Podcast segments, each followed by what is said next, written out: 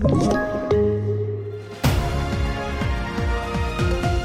Ny rekordnotering av antalet smittade. Kritiken växer mot familjekarantän och livstidsfängelse för mord på Årstabron. Ja, här är TV4-nyheten och vi börjar med den nya rekordnoteringen över antalet smittade med covid-19 i Sverige. Folkhälsomyndigheten rapporterade nästan 38 000 nya fall från igår. Och över hela landet är testkapaciteten pressad och Kronoberg meddelade idag att man som första region pausar PCR-testningen för allmänheten. Och anledningen är att det i nuläget inte finns kapacitet att analysera alla tester tester som görs.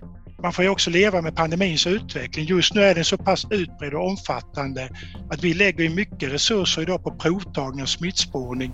Frågan i grunden är vilken nytta det gör. Och det sa Martin Myrskog, regiondirektör i Kronoberg.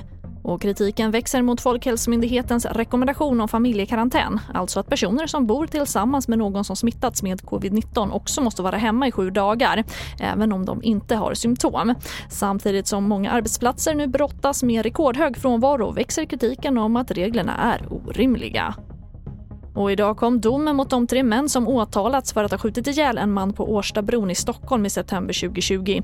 Tingsrätten dömer två personer till livstidsfängelse för mord och en person till 14 års fängelse för mord. Skjutningen kopplas till den gängkriminella miljön och bevisningen i målet har till stor del bestått av chattar från den krypterade kommunikationstjänsten Anom.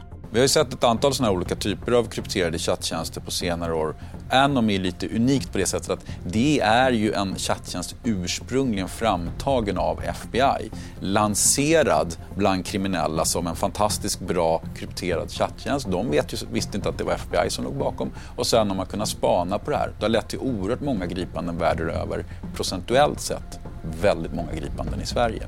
Och det sa författaren och före detta advokaten Jens Lapidus och det får också avsluta TV4-nyheterna i studion nu, Charlotte Hemgren.